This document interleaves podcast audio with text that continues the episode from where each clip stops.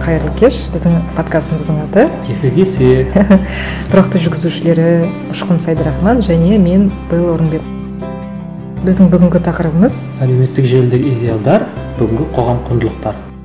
Әңгімеге кіріспес бұрын мен бір оқиға есіме түсіп кетті. Кеше осы туралы айтқанда бір 15 жыл бұрын білесің ғой ардақты иә менің әпкемді ііі мен ол кезде студент болатынмын ол да студент болды. Сосын бір күні үйге кешке қарай келді да қуанып айтады мен мегада алматыда нұрлан өнербаевты көрдім дейді көргенде қатты жүрегім дүрсілдеп жанына келгенде амандастым дейді сәлеметсіз бе деп. Ол кісі де жымиды да амандасып кетіп қалды. Дейді сосын мен қатты қызығып жүрдім да оған. Енді дәл осы оқиғаны мен есіме сақтағанға қарағанда мен бір күн емес бірнеше күн қызыққан сияқтымын соған. Сол кезде мысалы мындай бір адамдарда эмоция болады да қуаныш бір идеалын көріп қалып жүрегі дүрсілдеп тіпті енді суретке түсу деген ол кезде болған жоқ әрине бірақ ондай ой оған келмейтін де еді өйткені біз үшін идеалдар керемет бір биік идеалдар еді. Былтыр есіңде ма? Мен мәскеуде болғанда сен маған қағазды беріп жібердің де мен ұмытып кеткен қағазды. Иә. сол кезде мен сол қағазды шереметьеводан күтіп тұрдым да залдан ар жақтан самолеттен түскен адамдар ы, залға келіп жатыр бері қарай.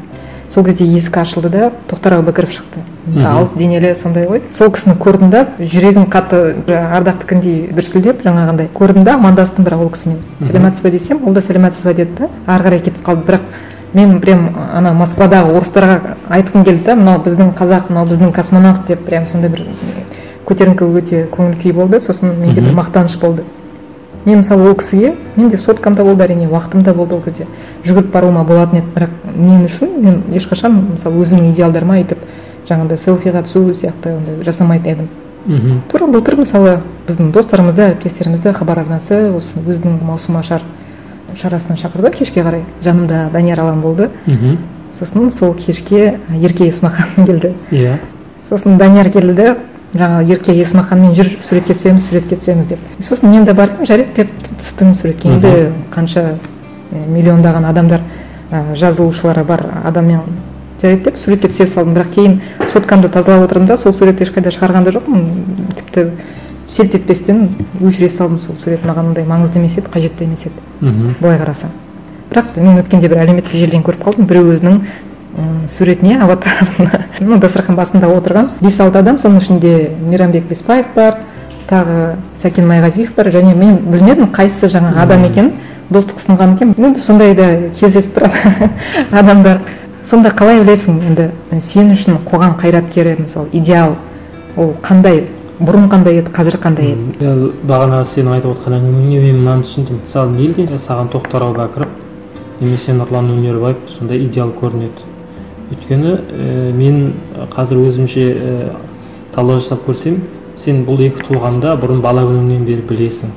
Олардың әндерін тыңдап ә, оның ә, ол туралы әңгімелер материалдар газет бетінен бұқаралық ақпарат құралдар беттерінен болсын оқып танып біліп бала күніңнен сенің құлағыңа құйылған санаңа сіңірілген сондай бір белгілі тұлғалар олар. Сондықтан олар саған ыстық саған айрықша сен көргенде олар тебіренесің.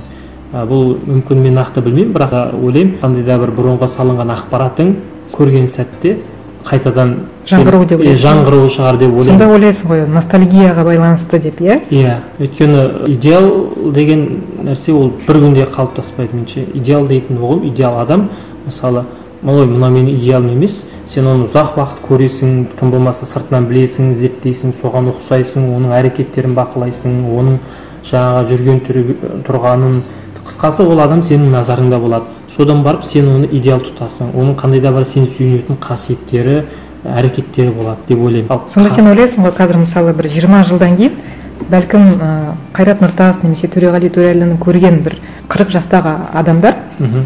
отыз бес қырық жастағы адамдар олар да жүрегі дүрсілдеп жаңағы көрген бетте сөйтіп Ол- сезінеді ма деп. ол үшін ә, ол мысалы қайрат нұртас болмаса басқа қандай белгілі бір жұлдыздар олар бе- ә, қандай да бір әрекетімен ынтықтыратын болмаса сүйіндіретін бір несі болу керек шығар деп ойлаймын. Егер сен өзің сүйінбеген ә, қысқасы жүрегіңе түспеген затқа сен ол көзді ғана қуанады жүрек ары қарай жетпейді. Жоқ енді жүректерге кетіп жатыр ғой енді өлеңдері мысалы. Біз таксиде жүргенде үнемі бір өткенде де сабаққа бара жатсақ бір кісі төреғали төреәлінің музыкасын қаттырақ қойды да соны прям қатты ұнатып айтады «М, тыңдаңдаршы әрбір сөзінде айтылған мен мынау сондай жүрекке жететін дүние жазып жатыр ғой мында деген сияқты.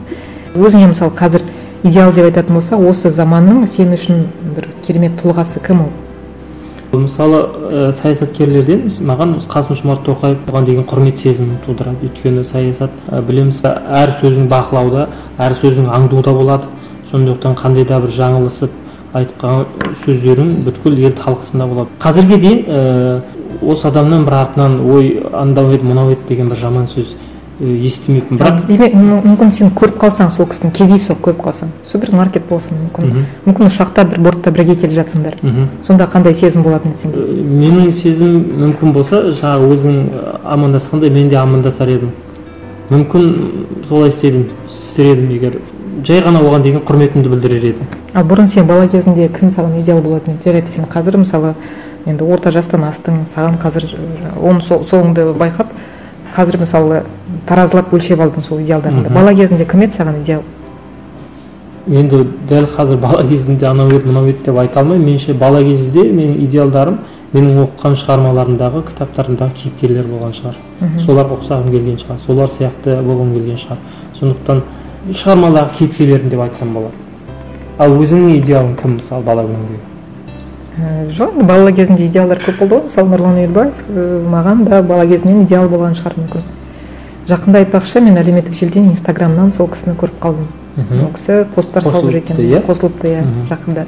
Адамдары жазылған адамдары соншалықты көп емес бірақ соншалықты пәктікті байқадым да ол кісінің бойынан посттарынан. Мысалы әрбір комментарий жазған адамға ол кісі жауап береді. Бірақ ол кісі енді әзірге ондай хейтерлер көп емес шығар ол кісіде. Ондайлар жоқ ау деймін әзірге. Ә, сосын ол кісі инстаграмда мысалы ойлайды. Бір видео бір минут екенін білмейді ғой деймін. Өйткені концерттері басталғанда міне достар осындай концертті ұсынамын дейді да. Сосын ол кісі шығады хабарлайды. В общем бір минут енді қайырмасына дейін де жетіп үлгермейді. Сөйтіп бітіп қалады. Бірақ иә. білмейді ау деймін сосын мен фейсбуктан бірақ ол кісіні тауып алдым фейсбуктан әйтеуір көре бастадым видеоларын. Бірақ бір жүрегім ауырып қалды ойлап қалдым қап мына кісі қазір инстаграмдағы адамдарды былықшылықтарды көріп қалады ау деп. Неге өйткені себебі өйткені мен саған ә, сұраған себебім неге бұрынғы қайраткерлер неге қазіргі қайраткер неге идеалдарды бөліп отырған себебім өйткені бұрындары көзқарас басқа болатын біздің идеалдарымызға. Оған жақындау келу деген сияқты әңгіме айту деген өте сирек кездесетін да адамда батылдық болмайтын. Ал қазір адамдарда олардың идеалдары өте жақын қол созымды жерде. Олармен сөйлесу де оңай олармен пікір таластырып тіпті ұрысу да оңай. Мысалы әлеуметтік желідегі кіріп көрші жұлдыздардың өзіне бір жаңағындай сыпайы бір нәзіктік сезім жоқ та сен аузыңа келген нәрсені айта аласың. Мысалы жалпы әлеуметтік мен өзім жеке адамдарға бір қатты сөз айта алмаймын. Бірақ әлеуметтік желі немесе бір жазба кезінде айту өте жеңіл себебі мен оны көрмеймін. Ол барлық адамдарда сондай.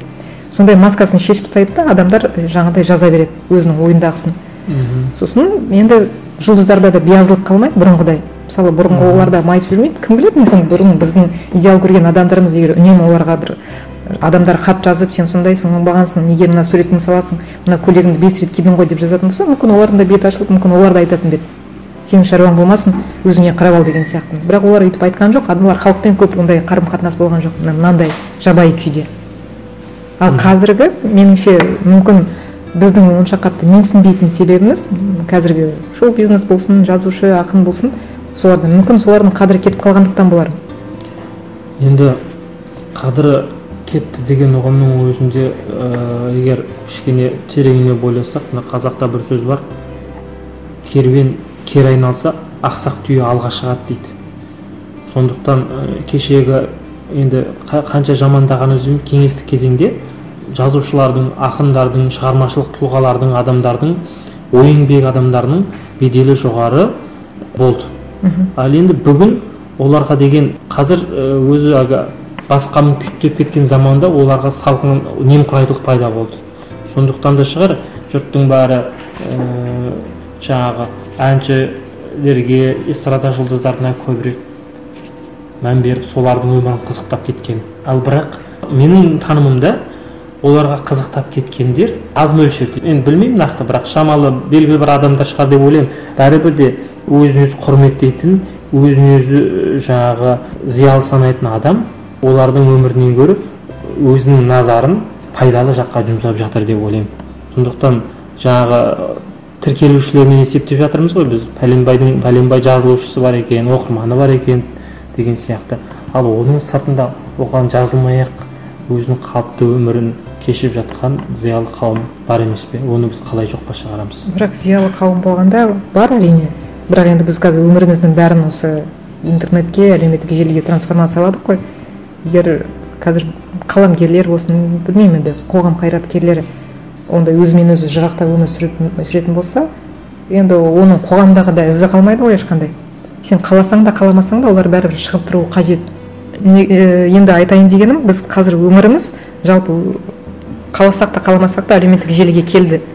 Мхм. Біздің қазір сөйлесу коммуникация жасау әдістеріміз өзі тіпті формалары бәрі өзгеріп бара жатыр мен алдында да айтқан едім ғой саған мысалы мен адамдармен сөйлескім келмейді телефонмен. Жақсы көрмеймін адамдарға звондағанды мысалы мен одан гөрі хабарлама жазғанды ұнатамын ал басқа біреу адам маған звондап тұрса хабарласып тұрса телефон шалып менің бір кеңістігіме қол сұққандай сезім болады мысалы кеше өзіңде көрдің ғой ерлан ағаның бір посты бар еді. Мхм ә, автобусқа отыра сала тариф бітіп қалыпты интернет жоғалды. Смартфонның ә, қаншама адамға тура қарап отырудан құтқарып жүргенін сонда барып түсіндім. Беттеріне қарап отыру ыңғайсыз ал теріс қарап отырсаң олар сенің бетіңе қарап отырған сияқты болады да тұрады. Әбден жабайы болыппын бұрын қайтушы едік өзі деп жазған. Яғни адамдармен араласудан қалдық біз. Мхм. Адамдардың бетіне қарағанша аватарына қараған жеңілірек болған шығар мүмкін. Иә?